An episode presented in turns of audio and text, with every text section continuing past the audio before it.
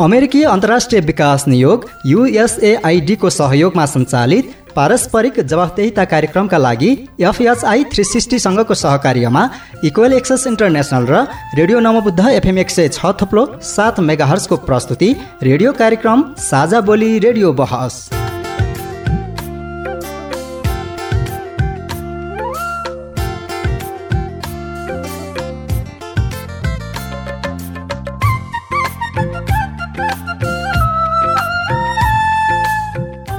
नमस्कार। साझा बोली रेडियो बहसमा तपाईँलाई स्वागत छ। म काजल तामाङ। साझा बोली रेडियो बहसमा हामी नागरिक समाज आम सञ्चार माध्यम र सार्वजनिक निकाय बीचको पारस्परिक जवाफदेहिता र आपसी दिगो सम्बन्धका विषयमा बहस गर्छौं।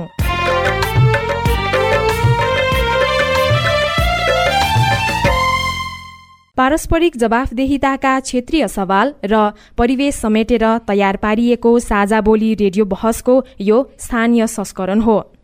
आजको साझा बोली रेडियो बहस रेडियो नमोबुद्ध एफएम एक सय छ थोप्लो सात मेगाहर्जले उत्पादन गरेको हो। यो कार्यक्रम सिन्धुपाल्चोक जिल्लाको रेडियो सिन्धु एक सय पाँच मेगाहर्ज नुवाकोट जिल्लाको रेडियो जालपा एक सय चार दशमलव पाँच मेगाहर्ज र रसुवा जिल्लाको रेडियो लाङटाङ नब्बे दशमलव तीन मेगाहर्जबाट पनि सुन्न सकिन्छ। जवाफदेहिताको राष्ट्रिय सवालमा नीति र कार्यान्वयनको समन्वय गर्ने साझा बोली रेडियो बहसको केन्द्रीय संस्करण इक्वेल एक्सेस इन्टरनेसनलले काठमाडौँमा उत्पादन गर्छ। साझा बोलीका दुवै संस्करणहरू तपाईँले हरेक हप्ता यसै समयमा सुन्न सक्नुहुन्छ।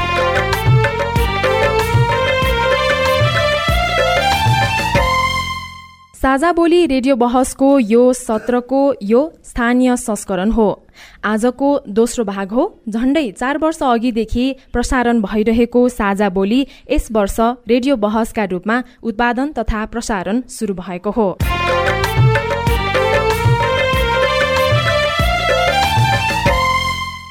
साझा बोली रेडियो बहसको आजको भागमा विपद जोखिम न्यूनीकरणमा स्थानीय तहको भूमिकाका विषयमा बहस गर्दैछौ। विपद कहिले कसरी र कस्तो आउँछ भन्ने कुराको पूर्वानुमान आजसम्म कसैले पनि गर्न सकेको छैन। तर नेपालको संविधानले विपद व्यवस्थापनको लागि संघ प्रदेश र स्थानीय तहलाई जिम्मेवार बनाई एकल र सामूहिक अधिकार प्रदान गरेको छ। विपदबाट बस्न र यसबाट हुने क्षतिलाई न्यूनीकरण गर्नको लागि स्थानीय सरकारको भूमिकासँगै समुदायमा आधारित पूर्व तयारीका बारेमा आजको हाम्रो बहस केन्द्रित गर्दैछौं। ओडै पछिको विपद व्यवस्थापन समितिको बैठक बस्छ। विपद व्यवस्थापन समितिलाई मेरो वडामा कुन ठाउँमा चाहिँ के को जोखिम छ चाहिँ उहाँहरूले चाहिँ रेखाङ्कन गरेर त्यो समितिलाई पूर्ण ज्ञान छ।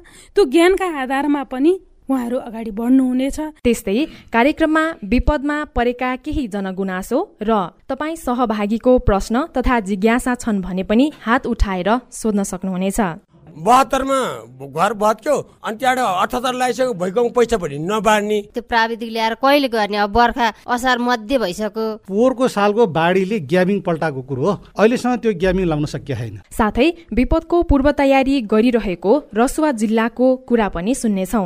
रसुवा जिल्लाका हाइडोहरूलाई पनि उनीहरूसँग भएका इक्विपमेन्टहरू चालु अवस्थामा राख्न निर्देशन गरिसकिएको अवस्था छ। साझा बोली रेडियो बहस। अमेरिकी अन्तर्राष्ट्रिय विकास नियोग युएसएआईडी मार्फत अमेरिकी जनताहरूको सहयोगका कारण सम्भव भएको हो। यस कार्यक्रमभित्रका विषयवस्तु र सामग्री पारस्परिक जवाबदेहिता कार्यक्रमका एकल जिम्मेवारी हुन्। र यहाँ प्रस्तुत भनाइले युएसएआईडी वा अमेरिकी सरकारको विचार प्रतिबिम्बित गर्छन् भन्ने जरुरी छैन। रेडियो कार्यक्रम साझा बोली रेडियो बहसमा तपाईँलाई फेरि स्वागत छ। विपद जोखिम न्यूनीकरणमा स्थानीय तहको भूमिकाका विषयमा बहसका लागि आज हामी पनौती नगरपालिकाको वडा नम्बर बाह्र भूमि डाँडामा आइपुगेका छौं। आजको बहसमा उपस्थित भइसक्नु भएको छ पनौती नगरपालिकाका उपप्रमुख गीता बन्जारा यसै वडाका वडा अध्यक्ष ईश्वर जंगम र सबै स्थानीयलाई स्वागत छ।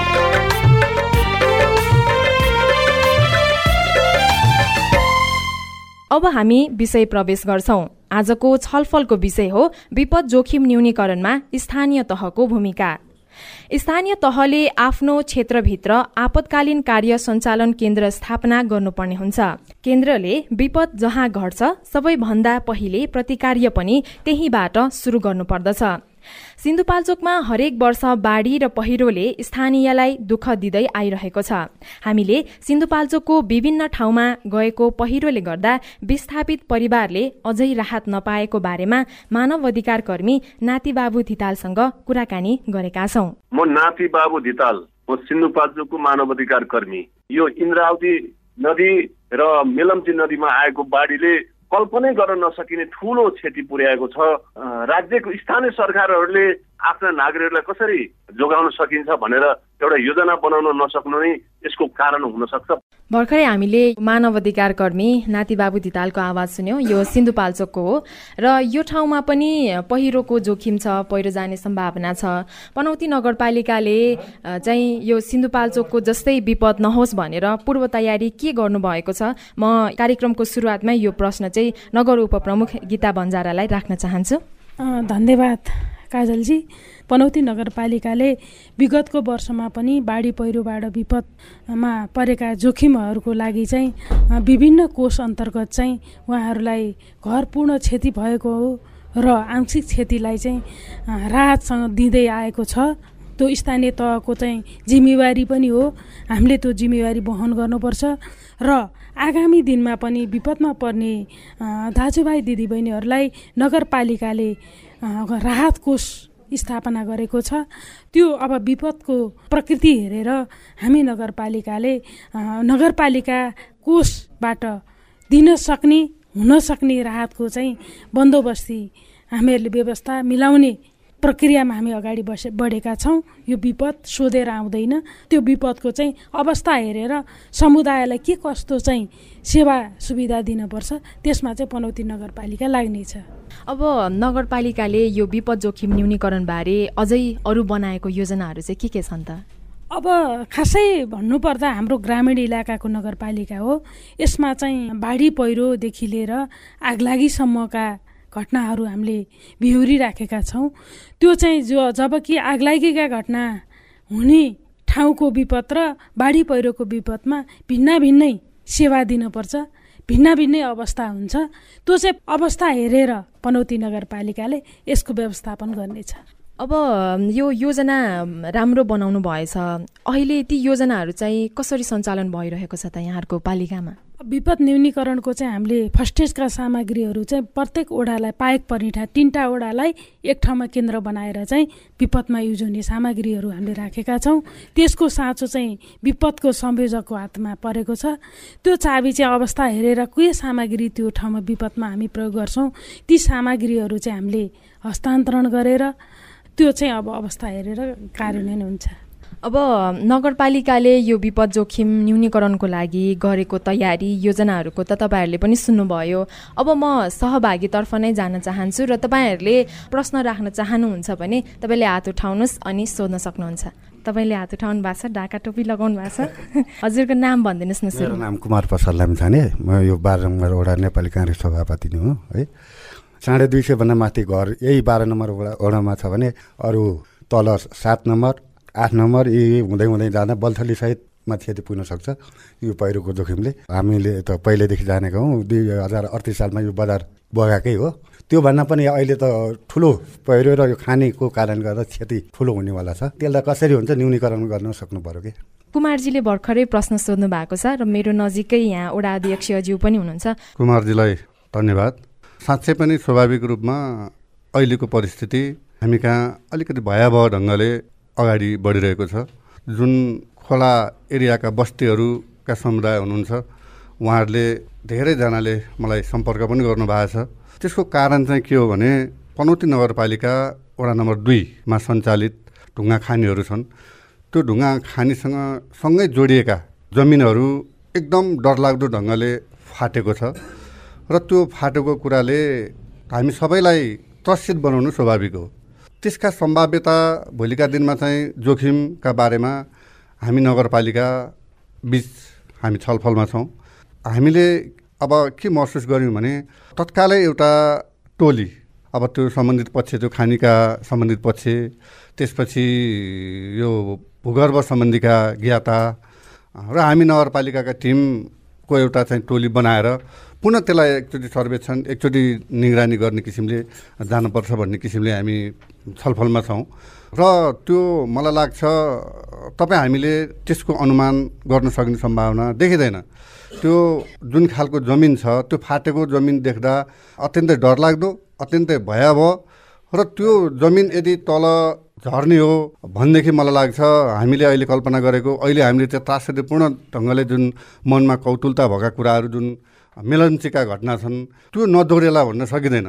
प्राकृतिक प्रकोप भन्ने कुरो कसरी आउँछ भन्ने कुरो तपाईँ हामी सबैले कल्पना गर्न सकिँदैन। त्यस कारणले गर्दा त्यो अत्यन्तै जोखिम पूर्ण ढङ्गले चाहिँ त्यो फाटेको अवस्था छ। त्यसलाई अब हामीले तत्कालै के गर्न सकिन्छ? हिजो हामी एउटा टोली गयौँ अध्ययन गऱ्यौँ र हामी तत्कालै अरू पक्षसँग पनि बसेर छलफल गर्छौँ र हाम्रो नगरपालिकाको विपद व्यवस्थापनको पनि बैठक बस्छौँ र त्यसलाई कसरी न्यूनीकरण गर्न सकिन्छ? कसरी त्यो चाहिँ जोखिमलाई चाहिँ न्यूनीकरण गरेर अगाडि बढ्न सकिन्छ? भन्ने किसिमले हामी अब छलफलको विषयवस्तु बनाउँछौँ र तत्कालै त्यसलाई समानतर्फ जानको लागि हामी लागि पर्छौँ अब यो बर्खा सुरु भइसक्यो यहाँहरू अझै छलफलकै क्रममा हुनुहुन्छ। अब अहिले त ढिला भएन र। अब यहाँको प्रश्न एकदम महत्त्वपूर्ण प्रश्न हो। मैले अघि भने भूगर्भ विधहरू मध्येका मान्छेहरूलाई पनि त्यहाँ लिएर जानुपर्छ भन्ने मेरो मान्यता छ। त्यस कारणले गर्दाखेरि हामी त्यो साधारण ढङ्गले चाहिँ त्यो त्यसलाई चाहिँ अध्ययन गरेर मात्रै त्यसको समाधान निक्लिन्छ जस्तो मलाई लाग्दैन। अत्यन्तै भयावह अवस्था छ। त्यसले गर्दाखेरि तपाईँले भने जस्तै यसलाई ढिला गर्नु हुँदैन। यसलाई तत्काल चाहिँ हामीले त्यो योजना बनाएर अगाडि बढ्नुको विकल्प छैन। फेरि पनि सहभागीतर्फ नै लाग्छु। क्याप लाउने दाईले हात उठाउनु भएको छ। मेरो नाम रामेश्वर खत्री। यही वडा नम्बर बाह्रको स्थानीय बासिन्दा। पोहोरको सालको बाढीले ग्याबिङ पल्टाएको कुरो हो। अहिलेसम्म त्यो ग्याबिङ लाउन सकिया छैन। अनुसन्धान मात्रै गरेर भएन। त्यो ग्याबिङ लाउने काम चाहिँ अहिले गर्नु पर्यो भन्ने मेरो भनाइ हो। उहाँले सोध्नु भएको जिज्ञासा चाहिँ म वडा अध्यक्षज्यूतर्फ राख्न चाहन्छु। उहाँले भने कुरा अत्यन्तै महत्त्वपूर्ण कुरा पनि छ। र हामी त्यसलाई समाधान गर्नुको लागि हामीले एउटा चाहिँ अब टिम बनाएर धेरै ठाउँमा छ। कहीँ झर्न लागेको छ कहीँ झरिसकेको छ। त्यसलाई चाहिँ कसरी समाधान गर्न सकि सकिन्छ? तत्कालै। अब हामी एउटा टोली बनाएर एक ठाउँको मात्रै कुरा नभएर हामी तल हाम्रो जुन बाह्र नम्बर वडाको प्रवेश क्षेत्रबाट अन्तिम एरियासम्म चाहिँ कहाँ कहाँ जोखिम छ त्यो अध्ययन गर्छौँ र तत्काल त्यसलाई समाधानतर्फ कसरी गर्न सकिन्छ त्यसमा हामी लाग्नेछौँ भन्ने कुरा मैले राखेँ। साझा बोली रेडियो बहस। हरेक विषय वस्तुमाथि खरो बहस। जिल्लामा चाहिँ औषधि उपचारका कुराहरू छन् यहाँ समस्याहरू डोको भन्दा भारी छ यहाँ समस्याहरू। पारस्परिक जवाफदेहिता प्रवर्धनका लागि सवाल जवाफ। छोरीहरूलाई किन पढाउने भन्ने जस्तो सोच छ? यो सोचले एकदमै जकडिएर जरो गाडेको छ। यसलाई कसरी हामीले अन्त्य गर्न सक्छौँ होला? कार्यक्रम साझा बोली रेडियो बहस। तपाईँकै गाउँबाट बिरामी हुँदा खचरमा बोकेर जिल्ला अस्पतालमा ल्याउँछन्। तपाईँकै ठाउँमा विकास किन भएको छैन अहिलेसम्म? मिलेर हल गरौँ समस्याको समाधान खोजौँ।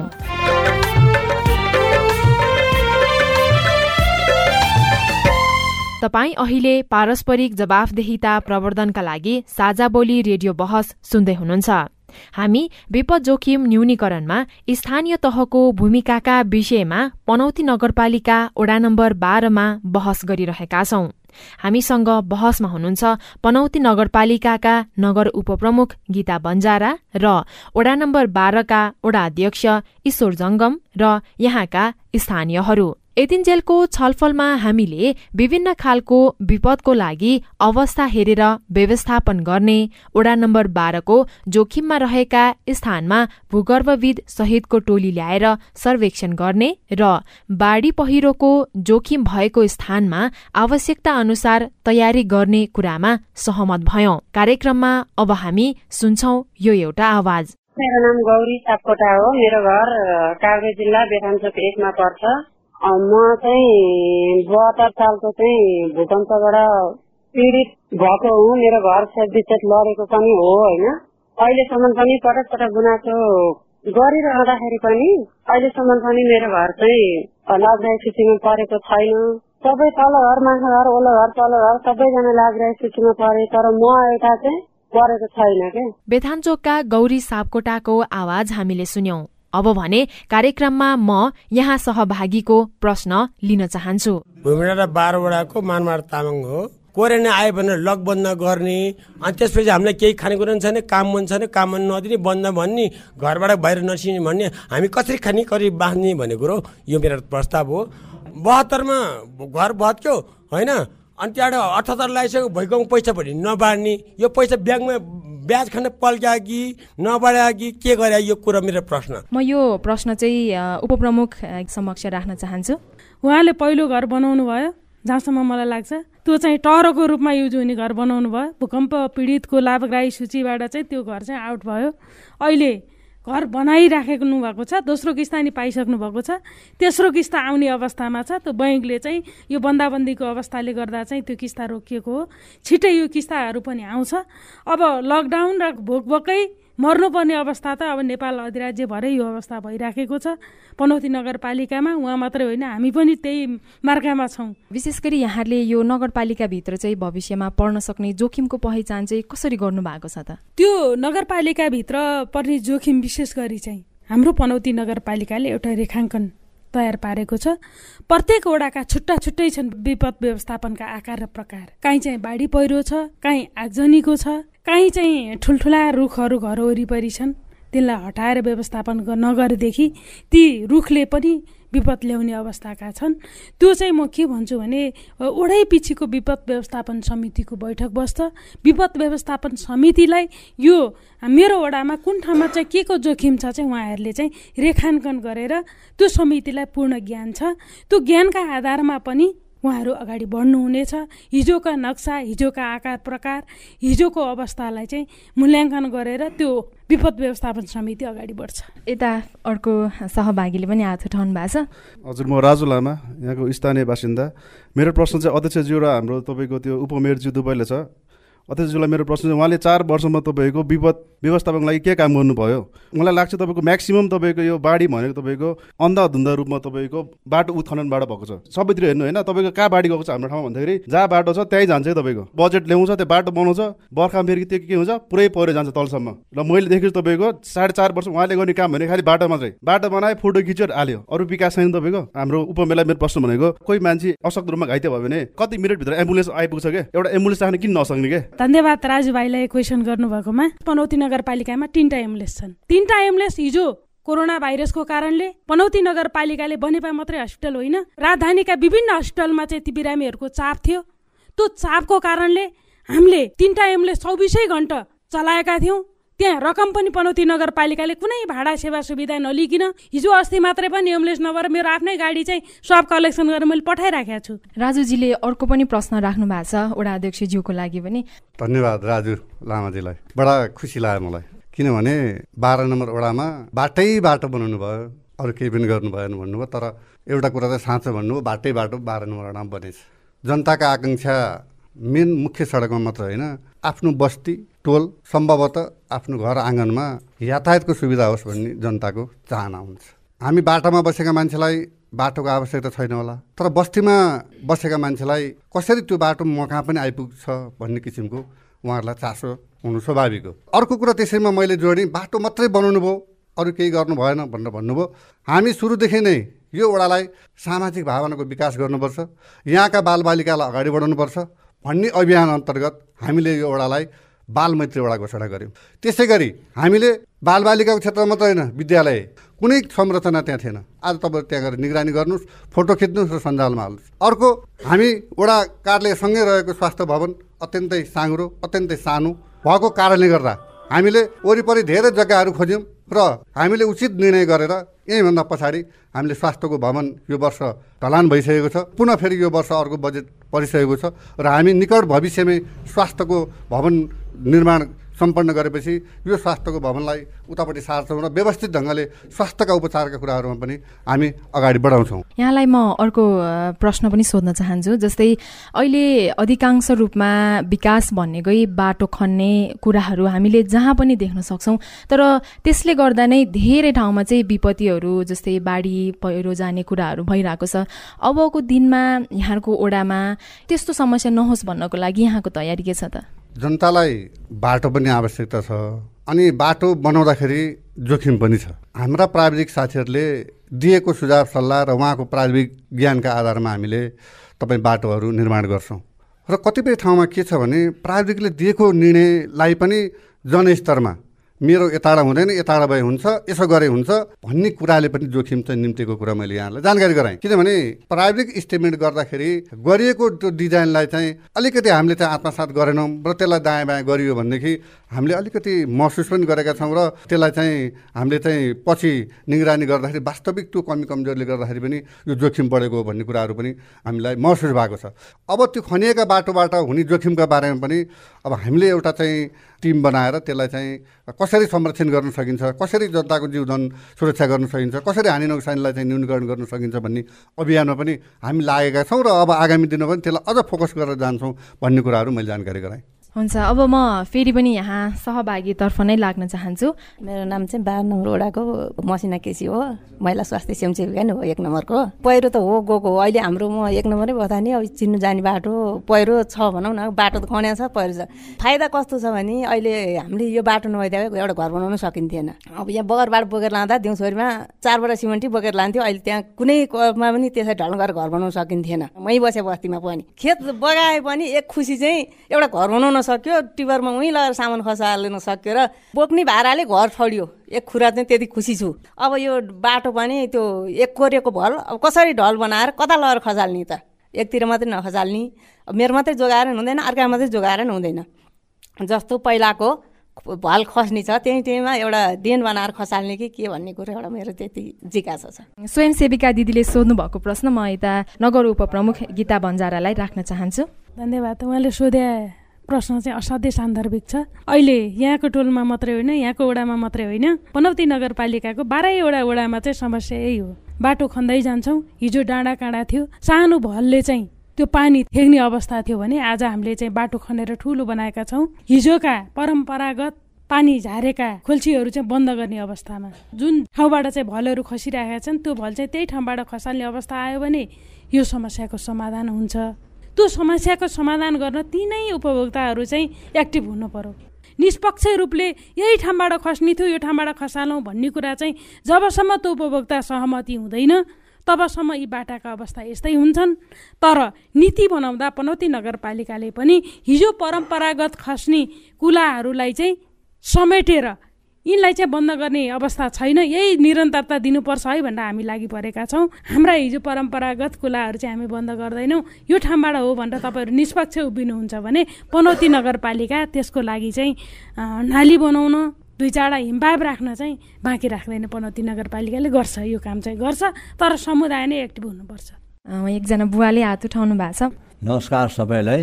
केदार थापा। बाटो बन्यो खुसी लाग्यो। बाटो चाहिन्छ। बाटो बनेपछि पहिरो जान्छ त्यो थाहा छ। घर कति छ भने त्यहाँ कमसेकम पैँतिस घर छ। सुन्नुहोस् है हजुरहरूले पनि। पैँतिस घर छ त्यत्रो बाटो बनाएर खर्च गरियो। सबै ठाउँमा बजार हाल्दाखेरि त्यसलाई एक पैसा नहाल्दाखेरि यो कि कि चाहिँ उपमेयर सर अध्यक्ष सरले कि मकै छ भनेर मलाई सुक्ति दिनु पर्यो? कि त्यसलाई कसरी छुट्याएको के भयो भनेर चाहिँ तपाईँहरूले चाहिँ नि मलाई अहिले जवाफ चाहियो। दाईको कुरा बाटो बनाएपछि मकै छर्नी हुनु हुँदैन। विगत वडा नम्बर पाँचमा बाटो निर्माण गरेर तपाईँहरू जति खुसी हुनुहुन्थ्यो अहिले त्यति बेखुसी हुनुहुन्छ। र त्यो बेखुसी पनि केही कुराहरू तपाईँहरू पनि जिम्मेवार हुनुहुन्छ। तपाईँको घरमा बाटो जान्छ भनेर मान्छेले कल्पना गरेका थिएन तपाईँको घर भनौँ तपाईँको एरियामा। हामी अभियानका रूपमा लाग्यौँ ट्र्याक खोल्यौँ। ट्र्याक खोल्न कति समस्या थियो त्यो अवस्थालाई पार गऱ्यौँ हामीले। त्यसपछि प्रत्येक वर्ष त्यो बाटोलाई स्तर उन्नति गर्ने काममा कहिल्यै बजेट रोकिएको छैन। गत वर्ष रोकिएको छैन। मैले विगतमा त्यो बाटो खन्दाखेरि त्यो ठाडो ट्र्याक नलैजाउँ त्यो घुमाएर लिएर जाउँ र यसले दिगो रूप लिन्छ भनेर मैले भनेको थिएँ। कोही साथीहरूले सुन्नु भएन। त्यहीँबाट हुन्छ त्यतैबाट लानुपर्छ त्यही चाहिँ दिगो हुन्छ भन्नुभयो। अहिले त्यही कुराले चाहिँ तपाईँ हामीलाई चाहिँ समस्या सिर्जना गरेको छ। अहिले पनि म भन्छु त्यो जुन उकालो ठाडो उकालो जुन बाटो छ त्यो बाटोबाट खर्च गरेर बाटो लानु भनेको नि त्यसले भोलिका दिनमा पनि मलाई लाग्छ हाम्रो समस्या समाधान गर्दैन। मैले भनेको छु तपाईँ त्यो उतापट्टि घुमाएर त्यो ट्र्याक घुमाएर जुन अहिले भीमसिंहले बनाएको घरबाट घुमाएर मोडेलिङ हुँदै तपाईँको त्यो घर मुनितिर ल्याउने वातावरण यदि बनाउने कुरा सहमति हुने हो भने नि त्यो त्यसले बाटोको रूप पनि लिन्छ। भोलिका दिनमा हामीले त्यो जुन खालको आकाङ्क्षा राखेर चाहिँ विकास गर्न चाहेका छौँ त्यो चाहिँ तपाईँहरूले पनि अनुभूति गर्नुहुन्छ। त्यस कारणले गर्दा म यहाँहरूलाई के आग्रह गर्छु भने सम्भावना छ त्यो च्याक खोल्ने किसिमले त्यो नयाँ ढङ्गले त्यसमा लागौँ। हामीले गर्नुपर्ने सहयोगको बारेमा केही आपत्ति छैन? तपाईँ अहिले पारस्परिक जवाफदेहिता प्रवर्धनका लागि साझा बोली रेडियो बहस सुन्दै हुनुहुन्छ। आज हामी काभ्रेको पनौती नगरपालिका वडा नम्बर बाह्र भूमि डाँडामा विपद जोखिम न्यूनीकरणमा स्थानीय तहको भूमिकाका विषयमा सवाल जवाफ गरिरहेका छौं। बहसमा अतिथि हुनुहुन्छ पनौती नगरपालिकाका नगर उपप्रमुख गीता बन्जारा यसै वडाका वडा अध्यक्ष ईश्वर जंगम र यहाँका स्थानीयहरू। एतिन्जेलको छलफलमा नगरको विभिन्न स्थानमा विपद जोखिम हुने ठाउँबारे जानकारी संकलन गर्ने र नक्साङ्कन गर्ने विषयमा अझै जोड़ दिने कुरामा सहमत भयौं। विपत्ति बाजा बजाएर आउँदैन। गर्मीमा आगलागी डढेलो वर्षामा बाढी पहिरो भूकम्प कोरोना र अरू पनि। साँच्ची विपदबाट तपाईँ हाम्रो गाउँघर कति सुरक्षित छ? तपाईँको पालिकाले विपद पूर्व तयारी के कति गरेको छ? विपद आइहालेमा उद्धार र प्रतिकार्यको लागि तपाईँको समुदाय तयार छ त?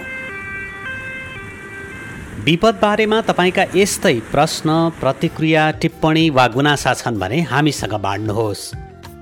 छलफल गरौँ समस्याको हल खोजौँ प्रश्नको जवाफ मागौँ।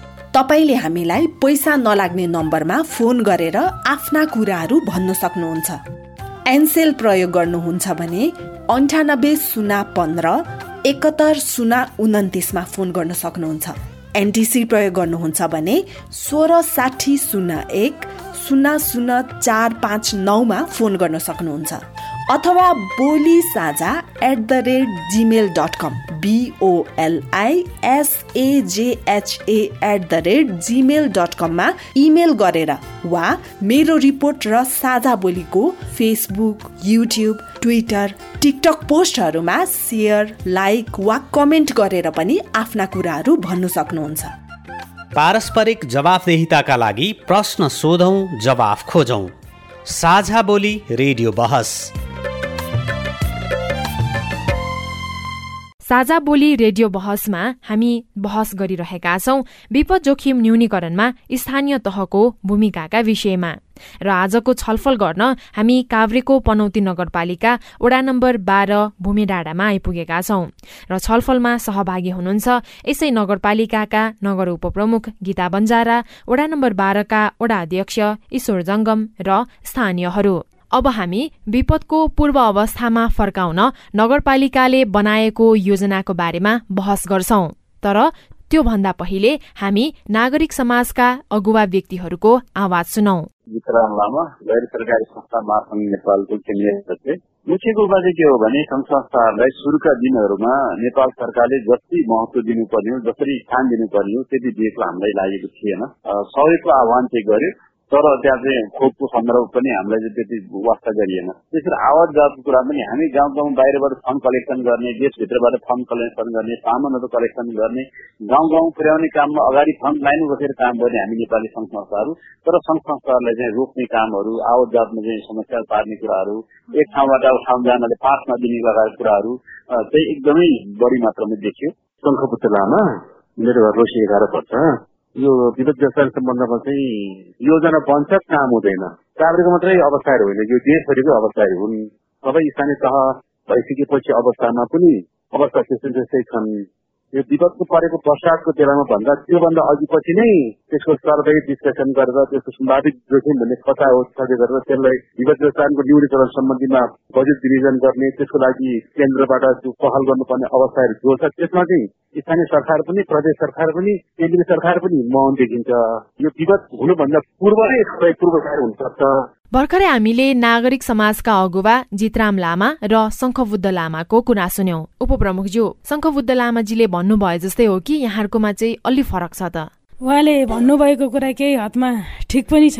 नेपाल अधिराज्यको व्यथा उहाँले भन्नुभएको छ पनौती नगरपालिकामा अहिले चाहिँ हामीले विपदको लागि चाहिँ हामीले एउटा दमकलको व्यवस्था गर्ने अठहत्तर उनासी अब बजेट हामीले पारित गरेका छौँ। त्यसको लागि कर्मचारीको पनि व्यवस्थापन गर्ने सम्बन्धमा चाहिँ हामीले नीतिगत पास गरेका छौँ। अर्को कुरो हामीले पनौती नगरपालिकाले एक करोडभन्दा माथि रहेर चाहिँ विपद व्यवस्थापन समितिले खर्च गर्न पाउने भनेर चाहिँ बजेट विनियोजित गरेका छौँ। अब लाग्यो अब विपदको चाहिँ पूर्व तयारी भन्ने कुरा मैले अघि नै गरिसकेको छु।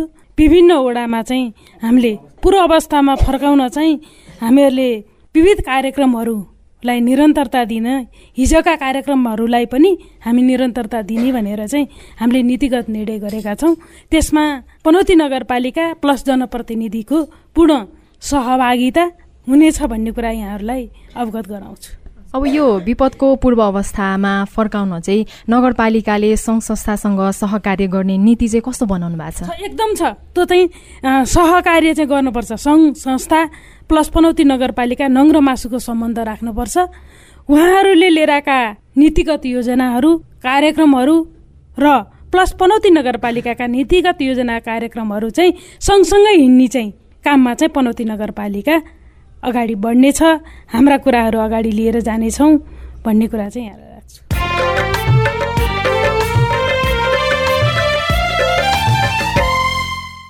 फेरि पनि सहभागीको प्रश्न लिनतर्फै लाग्छु। अघिदेखि यहाँ दाईले हात उठाउनु भएको छ। तपाईँको नामबाटै सुरु गरौँ। मेरो नाम शालिग्राम लामिछाने पनौती बाह्र। म यही रोसी खोला तटबन्दी तटीय क्षेत्रमा बस्छु। हाम्रो यो पनौती दुई खारखोला नजिकैको उसमा चाहिँ दुईवटा ढुङ्गा खानीहरू चलिरहेका छन्। त्यहाँ चाहिँ ठुलो पाहाडै खस्न लागिरहेको छ लगभग पाँच सय मिटरको हारिमा अहिले अब तत्कालीन गएर हेर्न नि सक्नुहुन्छ त्यत्रो पाहाड फाटिरहेको छ। त्यसले गर्दाखेरि यो खोलाघारीको एरियामा चाहिँ केही पनि नरला जस्तो लागेको छ। हामीलाई चाहिँ यो सबै बस्ती नै उडाउँछ जस्तो लागेको छ। त्यो विषयमा चाहिँ खासै कुरा गइएन। त्यो ढुङ्गा खानीले नै ढुङ्गा उत्खनन गर्न ढुङ्गा माटो खनेको कारणले गर्दाखेरि त्यो फा पाहाड चाहिँ फुटिरहेको छ। अब त्यसलाई चाहिँ कसरी न्यूनीकरण गर्न सकिन्छ? अब भूकम्प पछाडि सबै धेरै जस्तो जनताहरू चाहिँ खोलाघारीमा आएर घर बनाएर ठुल्ठुला तिन लाख दिए पनि बिसौँ लाख खर्च गरेर घर बनाएर बसेका छन्। तर माथिको अवस्था हेर्दा चाहिँ पाहाडले एउटा पनि घर रहँदैन। पूर्व अवस्थामा फर्कन लागि चाहिँ अब तत्कालीन खानी रोकेर खानीबाट चाहिँ अब भूगर्भ विभागबाट ल्याउने हो कि कहाँबाट मान्छे लिएर आएर देखाएर अब त्यो पहिरो जानबाट रोक्नको लागि चाहिँ के गर्न सकिन्छ सम्बन्धित निकायको ध्यान जानु पर्यो त्यही हो हाम्रो कुरो। यता अर्को दाईले पनि हात उठाउनु भएको छ। म सुजन केसी।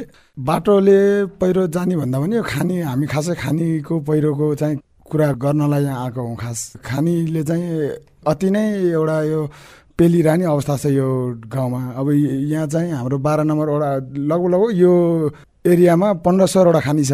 पन्ध्र सौवटामा हाम्रो बाह्र नम्बर वडामा चार पाँचवटा छ र अरू सबै नौ दसवटा चाहिँ दुई नम्बर वडामा पर्छ खानी। त्यसको क्षति र प्रत्यक्ष असर चाहिँ बाह्र नम्बर वडालाई पर्ने भयो। त्यो भइरहने छ। बाह्र नम्बर वडा खोला भेगको मान्छेले बेहोरी नै रहेछौँ बाढी आयो कि राति तपाईँको फ्याल्न पर्ने डसहरू करोडौँ लाग्छ अन्त डिस्पोज गर्नलाई। त्यो चाहिँ बाढी आउँदाखेरि चाहिँ खोलामा फ्यालिदिने। र खोलामा फ्यालिसकेपछि खोलाको सतह बढेर अनि खोलाघारी बस्तीलाई चाहिँ एकदम असर गरेको हो। भर्खरै यहाँ सहभागी हुनुभएको शालिग्रामजी र सुजनजीको प्रश्न लियौँ र उहाँहरू दुवैजनाको एउटै एउटै प्रश्न छ। र यो पूर्व अवस्थामा फर्काउनको लागि अथवा नगरपालिकाको के कस्तो तयारी छ उपप्रमुखज्यू? उहाँहरूको जिज्ञासा असाध्य सान्दर्भिक र समस्याग्रस्त छ। सेवा सुविधा दुई नम्बरलाई र बाह्र नम्बरलाई के कति भन्दा त्यो चाहिँ सेवा सुविधा जग्गाधनीले पाएर गइसक्नु भयो एउटा राज्यको नीति स्थानीय तहसित चाहिँ समझदारी गरेर सम्झौता गरेर के छ त्यहाँको वातावरणको अवस्था? त्यो ठाउँमा खानी चलाउनु हुने हो कि होइन? पूर्व चाहिँ जानकारी हुनु पर्थ्यो कि? म निर्वाचित भएर आएको साढे चार वर्ष भयो। पनौती नगरपालिकाले कुनै पनि जग्गा र कुनै पनि खानी व्यवसायीलाई जग्गा बेच्नुपर्छ भन्ने दबाव र प्रभाव पारेको छैन। व्यक्तिले गरे हो। नगरपालिकाको स्वीकृति बिना नै यी खानी चल्या हुन् जिल्लाले एउटा दैवी प्रकोप समिति सिडिओ साहबको अध्यक्षतामा हुन्छ। त्यो समिति अन्तर्गत र माथिबाटै चाहिँ एउटा राज्यले बनाएको नम्स अन्तर्गत चाहिँ जग्गा धनीले जग्गा बेच्छ। व्यवसायीले व्यवसाय सञ्चालन गर्छन्। पनौती नगरपालिकाले प्लस तिरो चाहिँ तिरो भरो र करहरू चाहिँ लिन्छ। पनौती नगरपालिकाले योभन्दा आज दस दिन अगाडि चाहिँ एउटा व्यवसायीहरूलाई चाहिँ बोलाएर चाहिँ हामी विपदमा पर्दैछौँ। यहाँ त यो भर्खर मिडियाले दिएर चाहिँ यो कुरा आएको हो। हामी वडाध्यक्षज्यू दुई नम्बरको वडाध्यक्षज्यू। हामी सबैजना बसेर एउटा छलफल गराएर चाहिँ यी खानी व्यवसायहरूलाई चाहिँ एक ठाउँमा ल्याएर चाहिँ तपाईँहरूले गर्न सक्ने के हो? नगरपालिकाले गर्न सक्ने के हो यो विपदको अवस्थामा? यो चाहिँ छलफलमा सहभागी हुनुपर्छ भन्दा कोभिडको कारण देखाएर उहाँहरू उपस्थित हुनु भएन। हुनुपर्ने मात्रामा भएन। तिन चारवटा खानिका मात्रै दाजुभाइहरू आउनुभएको थियो। र आगामी दिनमा हामी छिट्टै योजना बनाएर चाहिँ खानी व्यवसाय प्लस वडा अध्यक्षज्यू जनप्रतिनिधिज्यूहरू विपद व्यवस्थापन समितिका संयोजकज्यू बसेर चाहिँ हामी एउटा छलफल र निचोडमा जानुपर्छ। र यो ठाउँलाई पूर्व अवस्थामा पुर्याउनको निमित्त चाहिँ हामी यति जुटेर के गर्दा हुन्छ भनेर चाहिँ यो पूर्व तयारीको बैठकमा हामी यी कुरा राख्छौँ। पनौती नगरपालिकाले यसको पहल र प्रतिनिधित्व गर्छ। हामीभन्दा माथिल्लो निकायलाई पनि जानकारी गराएर यी कार्यक्रम कसरी चाहिँ रोकथाम गर्न सकिन्छ भन्ने अवस्थामा चाहिँ हामी छलफलको अवस्थामा चाहिँ जाने चाहिँ छिट्टै यो तयारीमा हामी लाग्नेछौँ पनौती नगरपालिका भन्ने कुरा यहाँहरूलाई जानकारी गराउँछु। यहाँ एकजना सहभागीले प्रश्न सोध्नको लागि हात उठाउनु भएको छ। नमस्कार सबैजनालाई। मेरो नाम चाहिँ ललिता तामाङ। मेरो घर चाहिँ पौती नगरपालिका वडा नम्बर बाह्रमा पर्छ। मेरो एउटा कुरा चाहिँ के आयो भन्दाखेरिमा अघि उपमेयरज्यूले तिनवटा एम्बुलेन्स छ भन्नुभयो होइन? उहाँले चाहिँ के भन्नुभएको छ भने चाहिँ पैसा पर्दैन भन्नुभयो नि त। अनि जाँदाखेरि चाहिँ पैसा परेन। अब त्यति बेला चाहिँ नरले नै अब ओडाछीज्यूले भनेर पठाउनु भएर हो कि के भएर थाहा भएन होइन? तर फर्किँदाखेरि घरमा ल्याउँदाखेरि चाहिँ भाडा पर्यो होइन? अब त्यो चाहिँ के कारणले हो भन्ने कुरा चाहिँ मेरो जिज्ञासा हो। धन्यवाद तपाईँलाई यो प्रश्न। राखिदिनु भयो। आफूलाई परेको समस्या पनि अवगत गराउनु भयो। पनौती नगरपालिकाले कोभिडका बिरामी लाने ल्याउनेमा चाहिँ भाडा लिएको छैन। तर पनौती नगरपालिकाका तिनवटा एम्बुलेन्स भन्दा बाहेक पनि एम्बुलेन्स चलाएको थियो है। त्यो के रहेछ? म स्वास्थ्य शाखासित बुझ्छु। हामीले कुन कुन एम्बुलेन्स चलाएका थियौँ? कुनै सङ्घ संस्थाका पनि चलाएका छौँ। तिनवटा नभ्याएर। तिनवटा प्लसमा आफू चढ्ने गाडी पनि चारवटा चल्दा पनि नभ्याएर अरू पनि भनेका थियौँ। त्यो चाहिँ बाई मिस्टेक। त्यो स्वास्थ्य शाखा सित रेकर्ड हुन्छ त्यो रेकर्डको चाहिँ म जानकारी लिन्छु। छलफल त गऱ्यौँ हामीले र अब हामी आफैले चाहिँ के गर्न सकिएला जस्तो चाहिँ लाग्छ तपाईँले राख्न चाहनुहुन्छ जस्तो लाग्यो? अब हामीले के गर्न सक्छौँ जस्तो लाग्छ भने यहाँ चाहिँ हामी पनि यसमा चाहिँ धेरै जिम्मेवारी छौँ। के चाहिँ समस्या हो त्यो समयलाई लाएर चाहिँ सम्बन्धित निकायमा बसेर चाहिँ बरु विरोध गर्नुपर्ने छ भने आन्दोलन गर्नुपर्छ भने सही ठाउँमा आन्दोलन र विरोध गरौँ। नमस्ते मेरो नाम भवानी केसी हो। खानी चाहिँ बन्द गरेदेखि चाहिँ अलि सुरक्षित हुन्थ्यौँ कि जस्तो पनि लागिरहेछ। बर्खा टाइममा अनि त्यहाँबाट बगिरहेछ खोलो। त्यही डर लागिरहेछ। मेरो नाम मिरा केसी। आफ्नो आफ्नै तरिका चाहिँ अब के गर्नु? हामीले अब सम्मति निकायलाई अब हार गुहार गर्ने हो। अब यो अहिले उपप्रमुख वडा अध्यक्षले नि अब यो गर्ने मात्रै भनेको छ। त्यो प्राविधिक ल्याएर कहिले गर्ने? अब बर्खा असार मध्ये भइसक्यो। अब देखाउने भन्दा पनि हामीलाई लैसक्ला। म चाहिँ के गर्छु भने अब मेरो घरमा त सत्तरी नाग्या असी पचासी वर्षका बुढाबुढी छन्। पानी आउनु थालेपछि पाले पालो बोकेर अब त्यो माखलहरतिर पाले पालो बाबुआमालाई बोकेर माखलहरतिर पोहोर पनि सारे हो। नमस्ते मेरो नाम प्रहलाद केसी। म यो बाह्र नम्बर वडाको वडा सदस्य पनि हो। अब यो विपद चाहिँ पोहोर परारको पनि हामीलाई नपर्या होइन होइन? योभन्दा अगाडि पनि कोरोनाको विपद पर्यो। त्यो विपदलाई हामीले धेरै सजगताका साथ सामना गऱ्यौँ। तर यो पालिको विपद त्योभन्दा अलि भयानक छ। अब हामीले गएर त्यो माथि हेऱ्यौँ त्यो दुई नम्बरको जुन खानी छ त्यो एकैचोटि लड्यो भने लगभग भूमि डाँडाको यो खोलाघारीको बस्ती एउटा पनि रहँदैन। त्यो त्यस्तो भयङ्कर अवस्था छ। अनि त्यो भएको हुनाले अब त्यसलाई मेरो चाहिँ सुझाव के छ भने अब त्यो नियन्त्रणै गर्नु त सकिँदैन। त्यसबाट कमसे कम कति कम क्षति गर्ने भन्ने कुरा मात्रै रह्यो क्या हाम्रो अब। विपत्ति भने एकैचोटि आउँदैन त हो। तर यो विपत्ति आउने चाहिँ हामीले आवाज पाइसक्यौँ। अब यसको लागि कसरी नियन्त्रण गर्ने भन्दा अब भूगर्भित ल्याउने कुरा पनि ठिक छ यो एकदम राम्रो कुरा हो। तर हामीले एउटा कुरा त्यो सोचिरहँदा मेरो सुझाव चाहिँ भूगर्भित नआउने जेल त्यो खानीले जब तल खोतला छ नि त्यसलाई चाहिँ केही समय बन्द गराउने हो कि? मेरो चाहिँ सुझाव त्यसलाई चाहिँ भूगर्भित आएर त्यसलाई चाहिँ यसरी चलाउनु पर्छ यसलाई यसो गर्नुपर्छ नभन्ने जेल चाहिँ त्यो एउटालाई मात्रै अरू चल्ने कुरा छँदैछ। त्यो एउटालाई चाहिँ केही समय बन्द गरेर राख्ने हो कि? उहाँहरूको चाहिँ सुझाव आएपछि मात्रै त्यो खानी चलाउने हो कि? हुन्छ। यहाँहरूले आफ्नो आफ्नो सल्लाह राख्नुभयो। अब चाहिँ हामी कार्यक्रममा एकैछिन लागौँ रसुवा जिल्लातर्फ। रसुवा जिल्लामा पनि विपदको पूर्व तयारी र योजनाहरू निर्माण गरिएका छन्। आफ्नो जिल्लामा सम्भावित विपदको जोखिम कम गर्न बनाएको योजना सुनाउनु हुँदै रसुवा जिल्लाका प्रमुख जिल्ला अधिकारी ईश्वरी प्रसाद ढकाल। सडक डिभिजन नुवाकोटबाट तीनवटा स्काभेटरहरू तयारी अवस्थामा मूल खर्क सानो भार्खु र च्यारफुबेसीमा तयारी अवस्थामा राखिएका छन्। रसुवा जिल्लाका हाइडोहरूलाई पनि उनीहरूसँग भएका इक्विपमेन्टहरू चालु अवस्थामा राख्न निर्देशन गरिसकिएको अवस्था छ र सर्वसाधारणलाई पनि अब आउने वर्षातको समयमा अत्यावश्यक काम नभइकन हिँडडुल नगर्न र एकदमै सचेत अवस्थामा रहन हामीले अनुरोध गरिएको अवस्था छ। हामीले गाउँपालिकामा रहेका गाउँपालिका स्तरीय विपद व्यवस्थापन समितिलाई सम्पूर्ण आर्थिक हिसाबले र खाद्यान्नको हिसाबले एकदमै तयारी अवस्थामा रहनको लागि अनुरोध गरेका छौँ।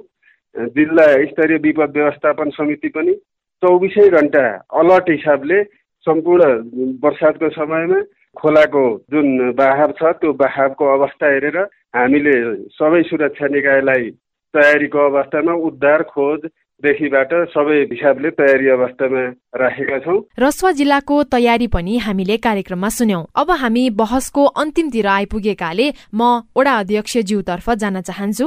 ओडा अध्यक्षज्यू आज हामीले जति बहस गर्यौं छलफल गर्यौं सबै सल्लाह सुझावहरू पनि आए। अब तत्कालै यहाँको तर्फबाट चाहिँ के कस्तो खालको पहल हुन्छ त? हामी तत्कालै खाने व्यवसायसँगका मान्छेहरू को को हुन सक्छन् मेयर साहब उपमेयर साहब लगायत हामी सम्बन्धित वडाका जनप्रतिनिधिहरू बसेर वडासीहरू बसेर एउटा चाहिँ तत्कालै एउटा निर्णयमा पुग्ने भन्ने किसिमले हामी लागेका छौँ। छलफलको विषयवस्तु बनाउनलाई मेरो साहबको टाइम लिएर उनीहरूलाई चाहिँ तत्काल खबर गरेर आजै सम्भवतः नभए भोलिसम्ममा चाहिँ उहाँहरूलाई उपस्थित गराउने र उहाँहरूको कुराहरू पनि सुन्ने र हामीले यो समस्याको समाधान गर्नको लागि के के गर्न सक्छौँ? भोलि चाहिँ आउने समस्यालाई चाहिँ अहिले चाहिँ हामीले चाहिँ सोचेनौँ भने भोलि भयावह अवस्था आउँछ भनेर पनि हामी चाहिँ उहाँ उहाँहरूसँग कुराकानी गर्छौँ। र अर्को कुरा के छ भने खाने व्यवसायीहरूले पनि तपाईँ राज्यलाई कर तिर्नु भएको छ। जनमानसको कुरालाई अलि सचेत ढङ्गले उहाँहरूले चाहिँ सोचिदिनु भएन भने भोलिका दिनमा उहाँहरूलाई पनि व्यवसाय सञ्चालन गर्नलाई समस्या आउँछ। मैले यो कुरा पनि जानकारी गराएँ। किनभने घटना घटिसकेपछि भोलि पुनः पूर्व अवस्थामा फर्किनलाई मलाई लाग्छ धेरै समय लाग्छ। ताकि अहिले मेलम्चीको कुरा बाहिर आइरहेको छ मेलम्चीको जुन घटनाले अब मेलम्चीबाट आउने जाने पानी जुन छ काठमाडौँ जाने पानी अब त्यो पूर्ववत अवस्थामा नफर्किसम्म मेलम्चीबाट पानी नदिने खालको कुराहरू त ठुलो आवाजको रूपमा चाहिँ अहिले उठिरहेको कुरा मैले सुन्दैछु।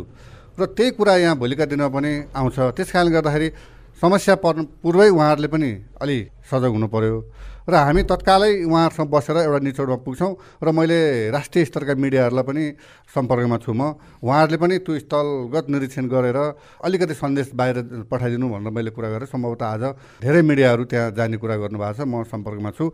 र जनताको आवाजको रूपमा जुन नवबुद्ध रेडियो यो कार्यक्रममा यसरी यहाँ जनमानसमा आएर यो एउटा कार्यक्रम गरिदिनु भयो। यसको लागि म उहाँहरूलाई नवबुद्ध परिवारलाई म हार्दिक मुरी धन्यवाद दिन चाहन्छु। धन्यवाद। अब तत्कालै नगरपालिकाको तर्फबाट पनि के के गर्न सकिएला म उपप्रमुखज्यूतर्फ जान चाहन्छु। धन्यवाद। यहाँ सम्पूर्ण उपस्थित दाजुभाइ दिदीबहिनीहरूको जिज्ञासा सुनियो उहाँहरूका कुरा। सँगै आफ्ना कुरा पनि राख्ने अवसर दिनुभयो नवबुद्ध रेडियोले। यहाँलाई विशेष धन्यवाद दिन्छु। धेरै कुरा जिज्ञासा र समाधानका उपायहरू पनि यही समुदायबाट नै आए। यसको लागि पनि विशेष धन्यवाद। हामी समुदायका स्तरका जनसमुदायहरू सचेत भइसकेका छौँ। नीतिगत योजनादेखि लिएर कार्यान्वयनसम्म पनि हामी गर्न सक्छौँ। यसो भयो कसो होला भन्नेसम्म क्वेसन आउँदाखेरि मलाई असाध्यै खुसी लाग्यो। अहिले वडा अध्यक्षज्यूले जे कुरा भन्नुभयो त्यो कुरा म नगरपालिकाको उपप्रमुखले पनि त्यही कुरा नै पालना गर्नुपर्छ। गर्ने नै हो। अब हामी तत्कालै समुदाय बिच खाने व्यवसाय बिच चाहिँ हामी एउटा समाधानको बाटो के होला भन्ने छलफलको तर्खरमा अगाडि बढ्नेछौँ। अघि भन्नुभयो छिटोभन्दा छिटो यो अवस्थालाई पूर्वत अवस्थामा पुर्याउनको निमित्त ओडाका जनप्रतिनिधि साथीहरू ओडाका गण्यमान्य विशिष्ट व्यक्तित्वज्यूहरू नगरपालिकाका हामी निर्वाचित जनप्रतिनिधिहरू बसेर चाहिँ एउटा सादा बोलीका साथ हामी अगाडि बढ्नुपर्छ। समुदायलाई पर्न लागेको विपत्तिलाई कसरी निराकरण गर्न सक्नु सक्छौँ भन्नेतिर हामी पनौती नगरपालिका असाध्यै छिटो सचेत हुनुपर्छ भन्ने अवस्था आयो। राष्ट्रिय स्तरका मिडियालाई पनि हामीले बोलाएका छौँ भन्ने कुरा अध्यक्षज्यूले गर्नुभयो। यो असाध्यै राम्रो कुरो हो। अब राष्ट्रिय स्तरका मिडिया प्लस जन नगरपालिकाका जनप्रतिनिधिहरू विपद व्यवस्थापन समितिको संयोजक ज्यूको तत्कालै हामी बैठक बसेर के गर्दा चाहिँ यो समाधान गर्न सकिन्छ भन्ने कुरामा चाहिँ हामी अगाडि लाग्नेछौँ। अघि भन्नुभयो प्रहलादजीले खाने व्यवसायलाई बोलाएर तपाईँले के गर्न सक्नुहुन्छ? दुई चार दिनको लागि विज्ञ नआउने जेल यो खानी बन्द गर्न पर्छ कि भन्ने सुझाव चाहिँ असाध्यै राम्रो सुझाव राख्नुभएको छ। हामी सम्बन्धित खानी धनीलाई पनि बोलाएर चाहिँ हामी छलफल र बहस गर्नेछौँ। यसको समाधानका उपायहरू चाहिँ निकाल्नेछौँ। विशेष गरी रेडियो नवबुद्धलाई सम्बन्धित ठाउँमै विपद व्यवस्थापन सम्बन्धी कुराहरू राख्ने अवसर जुटाइदिनु भयो रेडियो टोलीलाई सम्पूर्णलाई म विशेष धन्यवाद तथा आभार प्रकट गर्छु। यस्ता विपद परेका अरू ठाउँमा पनि तपाईँ हामीसँगै जाने प्रतिबद्धता गर्दै मेरा आफ्ना शब्द यहीँ अन्त गर्छु। हस्त धन्यवाद। यिनै छलफलसँगै हामी साझा बोली रेडियो बहसको अन्तिममा आइपुगेका छौँ। साझा बोली रेडियो बहसबारे मनका कुरा भन्नको लागि एनटिसीको मोबाइल वा ल्यान्डलाइन फोन प्रयोग गर्नुहुन्छ भने सोह्र साठी शून्य एक शून्य शून्य चार पाँच नौमा फोन गर्न सक्नुहुन्छ। एनसेल प्रयोग गर्नुहुन्छ भने अन्ठानब्बे शून्य पन्ध्र एकहत्तर शून्य उनातिसमा फोन गर्नुहोला। यी नम्बरहरूमा फोन गरेको पैसा लाग्दैन र प्राप्त निर्देशन अनुसार प्रश्न सोध्न सकिन्छ। पारस्परिक जवाफदेहिताबारे आफूले देखे सुने या भोगेका कुनै कुरा लेख मार्फत व्यक्त गर्न चाहनुहुन्छ वा अरूका लेखहरू पढ्न चाहनुहुन्छ भने W W W dot MEROPORT dot नेटमा पनि लगइन गर्न सक्नुहुन्छ। साझा बोली रेडियो बहस तपाईँले मेरो रिपोर्ट वेबसाइट पोडकास्ट च्यानल र सामाजिक सञ्जालहरूमा पनि सुन्न सक्नुहुन्छ। हवस् त।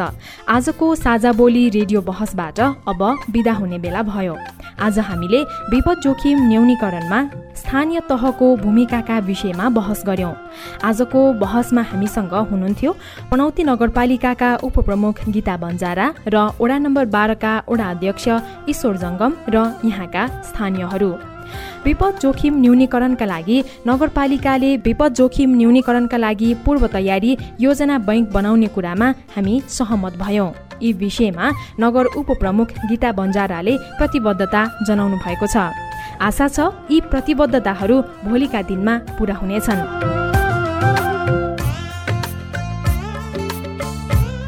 यतिन्जेल ध्यान दिएर कार्यक्रम सुन्नुभएकोमा तपाईँलाई धन्यवाद।